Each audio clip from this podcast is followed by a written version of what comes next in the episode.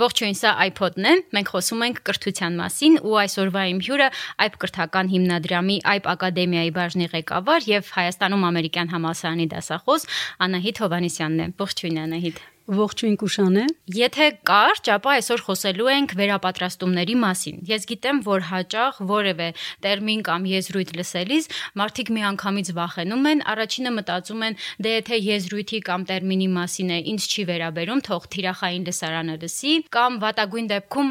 տոտալ անտարբերություն է եւ չեն հետաքրքրվում ու չեն ուզում լսել։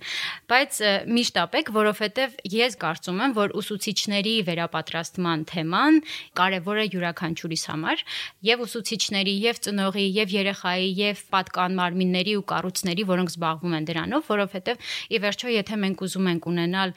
կուր ուժեղ կրթական համակարգ, ապա մեզնից յուրաքանչյուրը պատասխանատու է դրա համար։ Ես գիտեմ, որ այբում վաղուց են զբաղվում վերապատրաստումներով։ Այո, դուք ճիշտ եք, ես համամիտ եմ ձեզ հետ եւ այս թեման իրականում միայն ուսուցիչներին չի վերաբերում, այն ընդհանրապես հետաքրքրում է կրթությամբ զբաղվող յուրաքանչյուրին եւ անգամ այն մարդկանց, ովքեր կրթության ոլորտում չեն այբ կրթական հիմնադրամը մեծ առաքելություն է իրականացնում, քանի որ իր գոյության բոլոր տարիների ընթացքում մշտապես ձգտել է հզորացնել եւ զորացնել Հայաստանում ուսուցչական համայնքը եւ դա բնավ չի վերաբերել միայն այբ դպրոցին, որ կրթական հիմնադրամի ծրագրերից մեկն է մենք ունենք նաև մեզ հետ համագործակցող դպրոցներ, որոնց մենք աջակցում ենք անցյալ տարի հանրակրթության պետական չափորոշչի ներդրման այդ ողջ գործընթացում Տավուշի մարզի մոտ 680 ուսուցչի վերապատրաստեց հենց այբ կրթական հիմնադրամը վերապատրաստողների իր ամբողջ խմբով Ես ճիշտ եմ հասկանում, որ պետությունը շնորհում է մանդատ, այսպես ասած, հստակ կառույցների, որ เป զի նրանք իրականացնեն վերապատրաստումներ։ Ճիշտ եմ, այո։ Պետությունը նախարարություն կրթության մրցույթ հայտարարեց եւ այդ մրցույթի պարագայում այն հաստատությունները, որոնք ցանկություն ունեին վերապատրաստող կազմակերպություն դառնալու հայտ ներկայացրին համապատասխան փաստաթղթավորման գործընթացով անցան եւ նրանց շնորվեց այդ իրավասությունը վերապատրաստելու ուսուցիչներին։ Այդ առումով լուրջ գործունեություն է ծավալել, որովհետև մենք նպաստում ենք ուսուցչի եւ մասնագիտական զարգացման կարողություններին եւ միաժամանակ նաեւ հնարավորություն ենք ընձեռում այն ոչ այնքան դյուրամարս թեմաները, որոնք այժմ շրջանառվում են մեզանում, ուսուցչի համար ավելի հեշտ ընկալելի դարձնել եւ ուսուցչին մատուցել այն նորարար մեթոդաբանությամբ, տալ աջակցության ուրեմն հնարավոր չափաբաժին, որով ինքը կկարողանա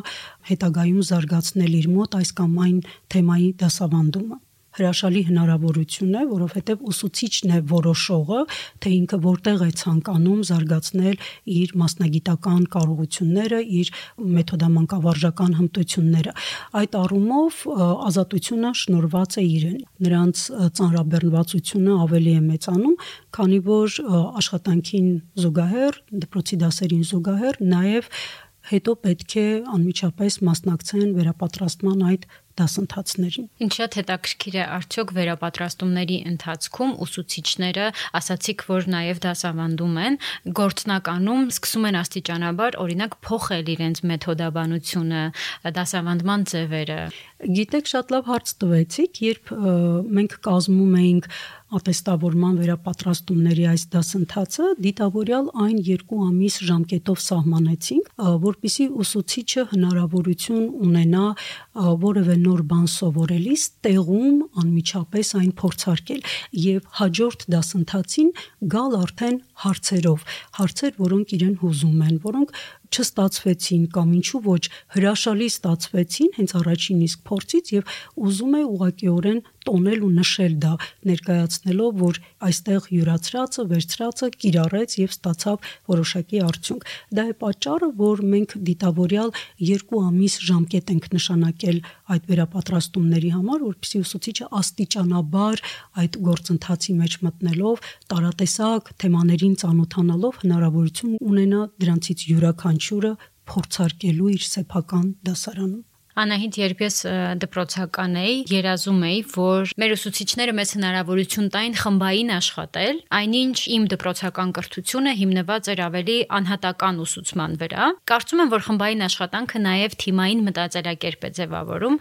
եւ եթե հետևենք մեր ցավոք սրտի անհաջողություններին, օրինակ թիմային սպորտաձևերում, կհասկանանք, որ ամեն ինչ այո սկսվում է դպրոցից։ Ես գիտեմ, որ խմբային աշխատանքների կազմակերպումը ներառված է այստեղ ու կուզենայի մենք խոսեինք մի քիչ այս մասին։ Կուշանը գիտեք, անպայման ուզում եմ խոսել դրա մասին, որովհետև դուք ուղղակիորեն զարգեցիկ մեխին։ Ինչու, որովհետև երբ ասում ենք խմբային աշխատանք, ինձ մոտ միշտ հարց է առաջանում. արդյոք ճիշտ է անվանել այն խմբային աշխատանք, թե թիմային աշխատանք։ Եթե ուսումնասիրեք սինգապուրյան մեթոդաբանությունը կրթության ոլորտում, դուք կնկատեք, որ իրենք խմբային բառը փոխարինել են թիմայինով, այն ինչ քիչ առաջ դուք շեշտադրեցիք։ Ու եթե մենք փորձենք ձեզ հետ մի քիչ ավելի խորը գնալ, բարի բառարանային ստուգաբանական իմաստի դաշտում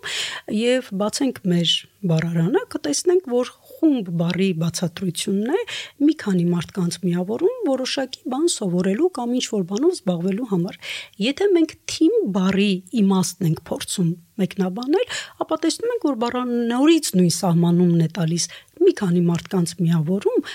բայց այդ մարդկանց միավորման մեջ կարևոր շեշտադրում է անում, որովհետև նրանցից յուրաքանչյուրը պատասխանատու է եւ իր եւ մյուսի հաջողության համար։ Այ թիմային աշխատանքն է,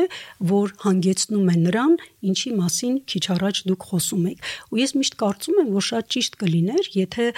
դասարանում մեր կազմակերպած աշխատանքները լինեին ոչ թե խմբային աշխատանք, այլ թիմային աշխատանքներ, այսինքն մենք դասարանում հենց թիմ ձևավորենք,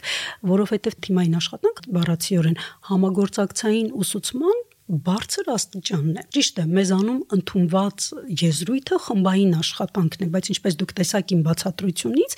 նրանց մեջ կա այսպես նրբիմաստ։ Իմիջիալից ես ձեր հետ շատ համաձայն եմ խումբ ու թիմ բարերի տարբերության հետ կապված, որովհետև տեսեք, երբ դուք ասում եք խումբ, ես անմիջապես մտածում եմ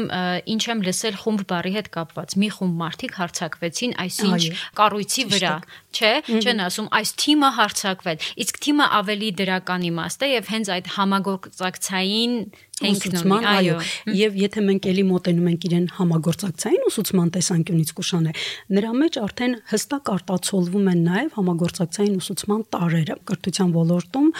փորձագետները դրանց տարերը հստակ առանձնացրել ու տարանջատել են։ Այսինքն ինչ տարերի մասին է խոսքը։ Թիմային աշխատանքի ժամանակ կա դրական փոխազդեցություն Սա նշանակում է, որ աշակերտները միմյանց հետ փոխկապակցված վիճակում են գտնվում եւ տեսեք բարի իմաստը նաեւ դրական այդ ազդեցությունը միանշանակ դրական է, որովհետև մեկը գիտի, որ իր աշխատանքից կախված է նաև մյուսի աշխատանքը։ Երկրորդ տարը բաղադրիչը անհատական պատասխանատվությունն է։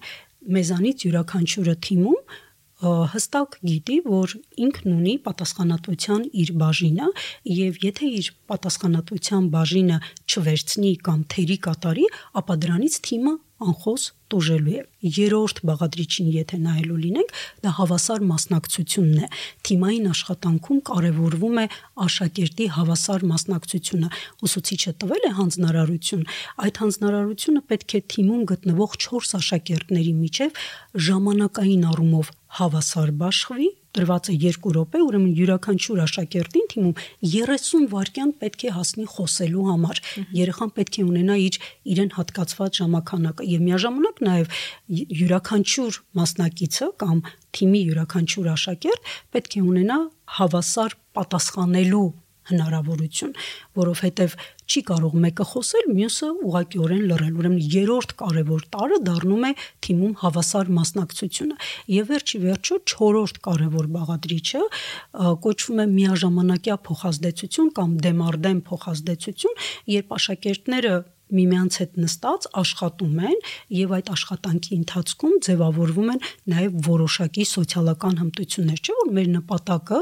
գիտելիքից զատ որոշակի կարողունակություններ ու հմտություններ երեխաներին փոխանցելու զատ կարևոր է նաեւ սոցիալական հմտությունների դաշտում երեխաներին բացելը, որ երեխաները կարողանան միմյանց ճանաչել։ Իսկ դա լինում է հենց այս առումով մենք նպաստում ենք, որpիսի երեխաները կարողանան դասարանում իրենց հատկացված այդ ժամանականակի մեջ աշխատել այս 4 ներկայացրածս տարերի բաղադրիչների ուրեմն համամասնությունը պահպանելով։ Ես գտնում եմ, գիտեք, որ յուրաքանչյուր ուսուցչի խղճին է թողնված, երբ ինքը մտնում է դասարան եւ դասարանային իր 45 րոպեն օգտագործում է այնպես, որ դասարանի աշակերտների 3%-ը ակտիվ լինի, չգիտեմ 25%-ը ակտիվ լինի, թե 50%-ը ակտիվ լինի, ուսուցիչն ինքն է որոշում։ Եվ երբ ուսուցիչն ընտրում է հենց այդ թիմային աշխատանքը, դա նշանակում է, որ ընտրում է այն ուղին,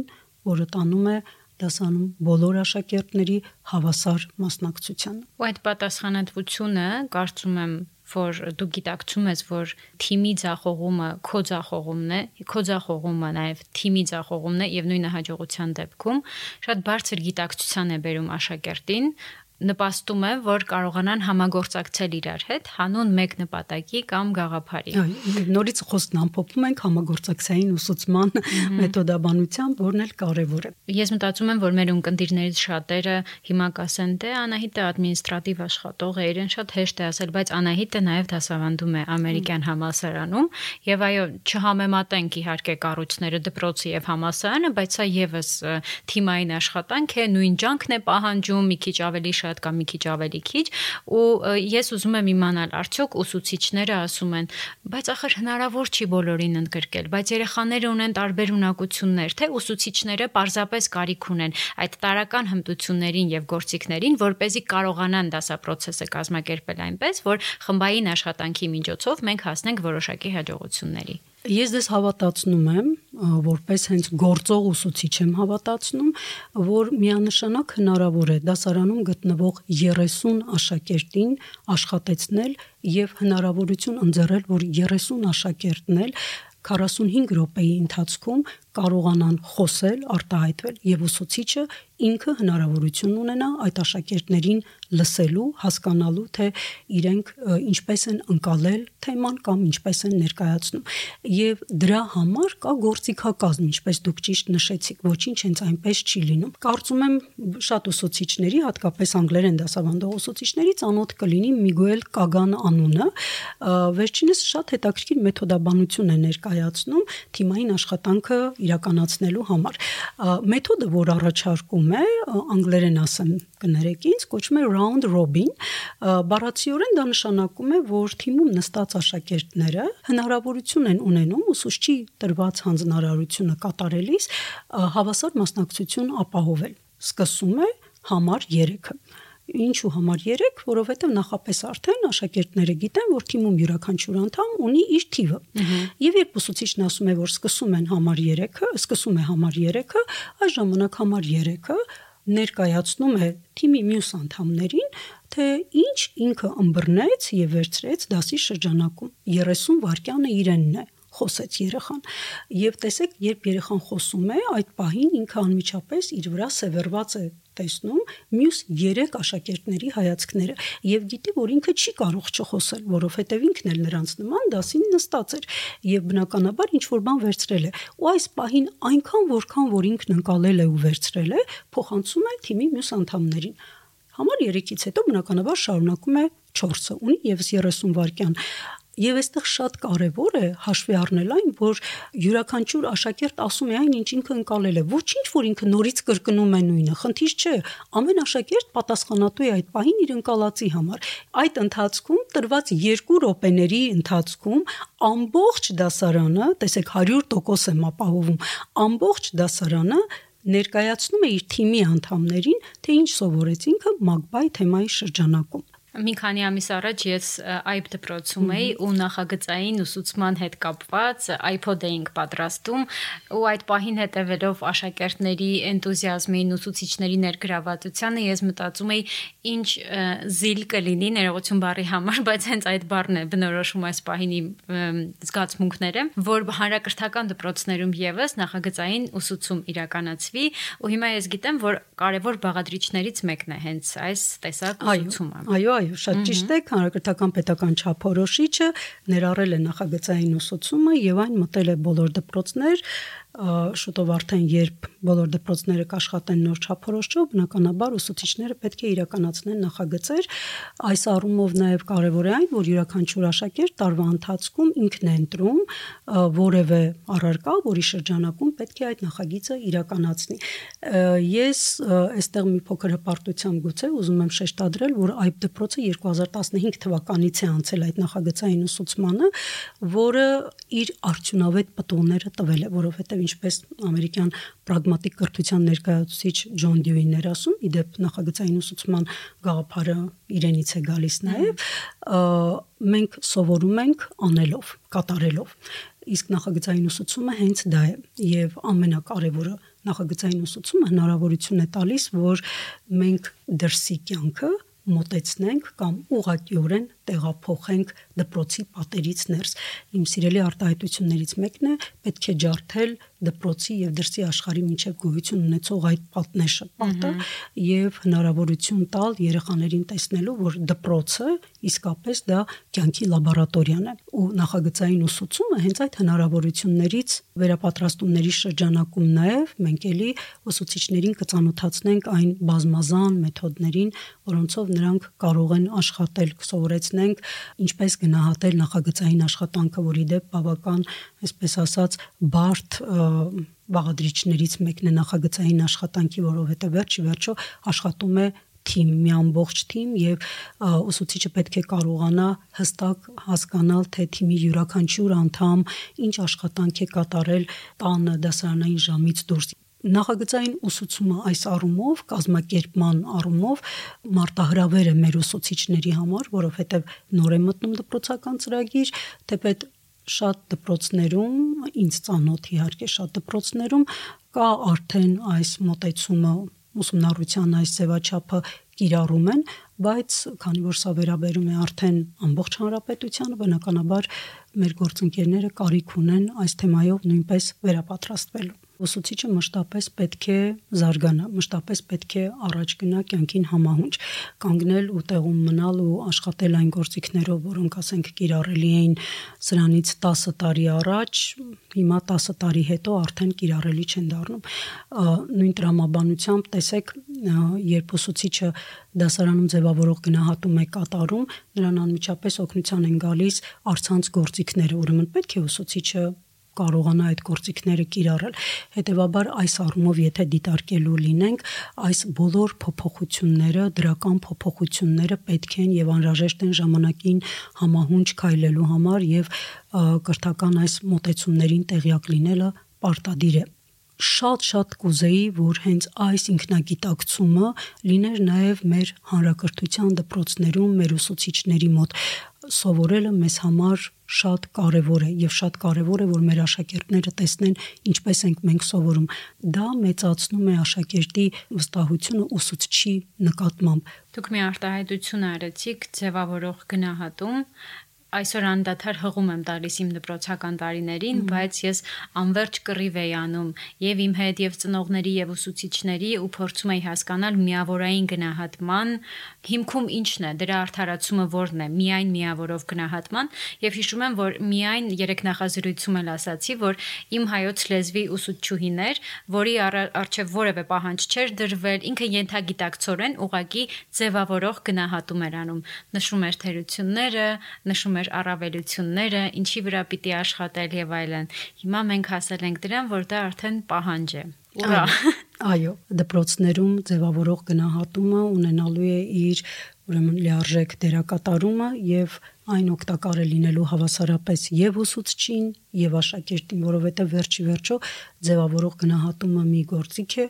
որ օգնում է երկուստեք ուսուցչին ու աշակերտին, ուսուցչին, որովհետև վերջինս կարողանում է աշակերտի ուսումնառության շարունակական ընթացքը բարելավել, հասկանալ թե որտեղ են խնդիրները եւ մյուս կողմից աշակերտը ուսուցչի կողմից տրված հետադարձ կապի հիման վրա կարողանում է հասկանալ թե ինչ խնդիրներ ունի ինքը, կարողանում է բացահայտել իր ուժեղ կողմերը, ամենակարևորը շեշտադրումը չդնենք միայն զարգացման թիրախների վրա, այլ երևի թե առաջին հերթին սկսենք նրանից, որ աշխատանքում ուսուցիչն առաջին հերթին շեշտում է թե ինչն է լավ ստացվել երեխայի մոտ։ Եվ երբ աշակերտը կարդում է, որ ես բերեմ կրկին իմ մասնագիտությամբ, հա, օրինակը, աշակերտը պարբերություն է գրել, թեման պարբերությունն է եւ սովորեցրել եմ իրեն գրել, ինչպես գրել պարբերություն ու հիմա հանձնարարությունն է, որ ներկայացնի ինձ մեկ պարբերություն։ Կարդում եմ աշխատանքը եւ տեսնում եմ, որ հրաշալի առաջնորդող նախադասություն է գրել։ Կարողացել է տարբերակել թեման, կարգավորող միտքը։ Բնական է, որ իմ տրված հետադարձ կապում շեշտադրում եմ, որ քեզ մոտ արդեն լավ է ստացվում առաջնորդող նախադասություն գրելը, որ դու կարողանում ես այս այս այս բաներն անել եւ հետո նոր արդեն երբ նկատում եմ, որ կան խնդիրներ, աշակերտի ուշադրությունը հravirում եմ այդ զարգացման թիրախին։ Օրինակ կարող եմ շեշտադրել, որ մենք տեղ ունենք դեռ աշխատելու եզրափակող նախադասության վրա։ Հիշիր, թե ինչպես էինք գրում եզրափակող նախադասությունը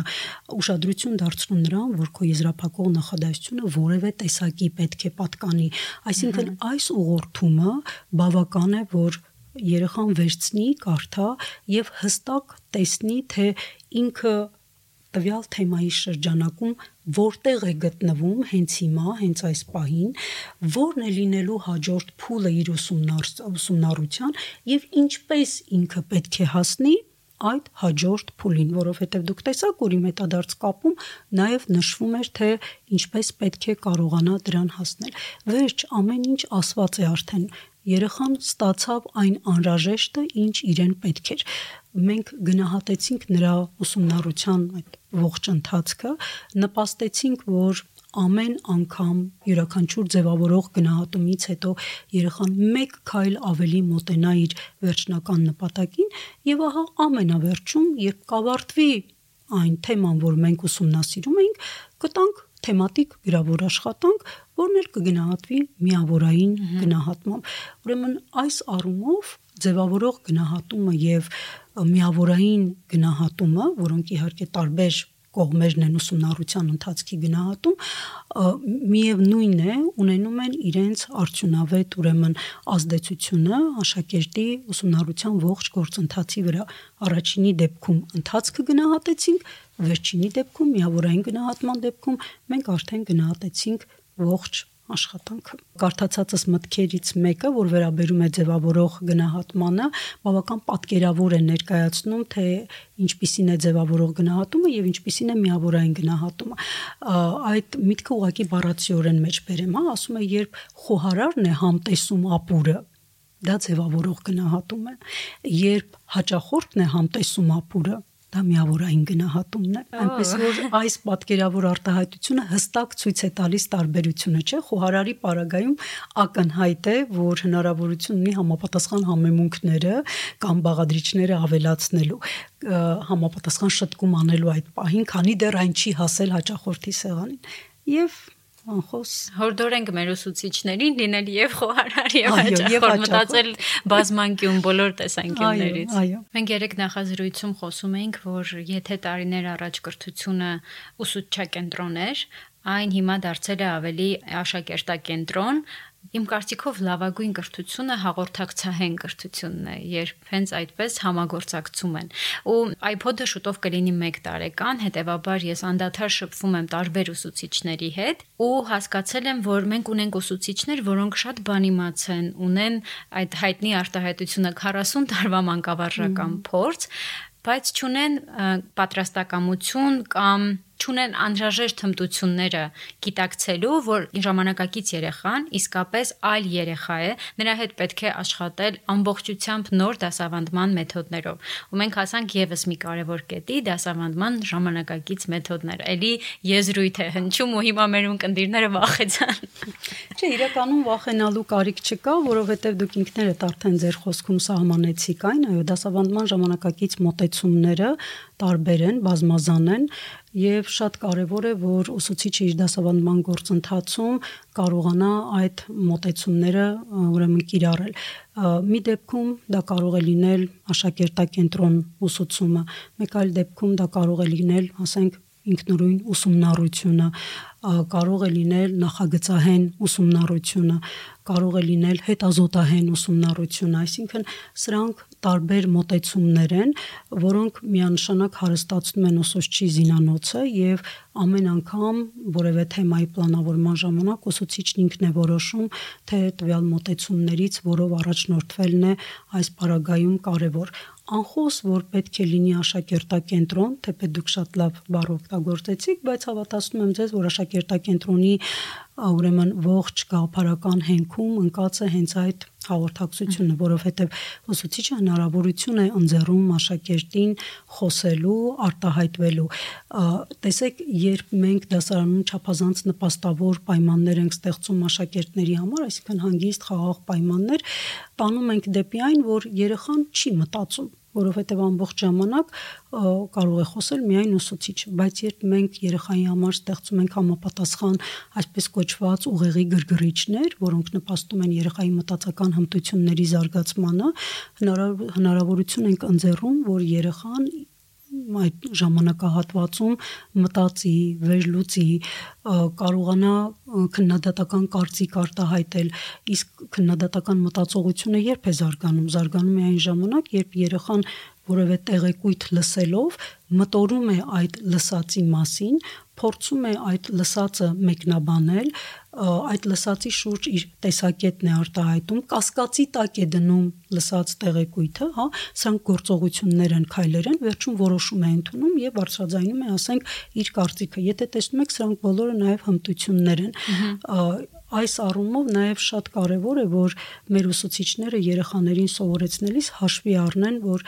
աշակերտն ինքնին կարիք ունի իմանալու կամ մտորելու այն մասին, թե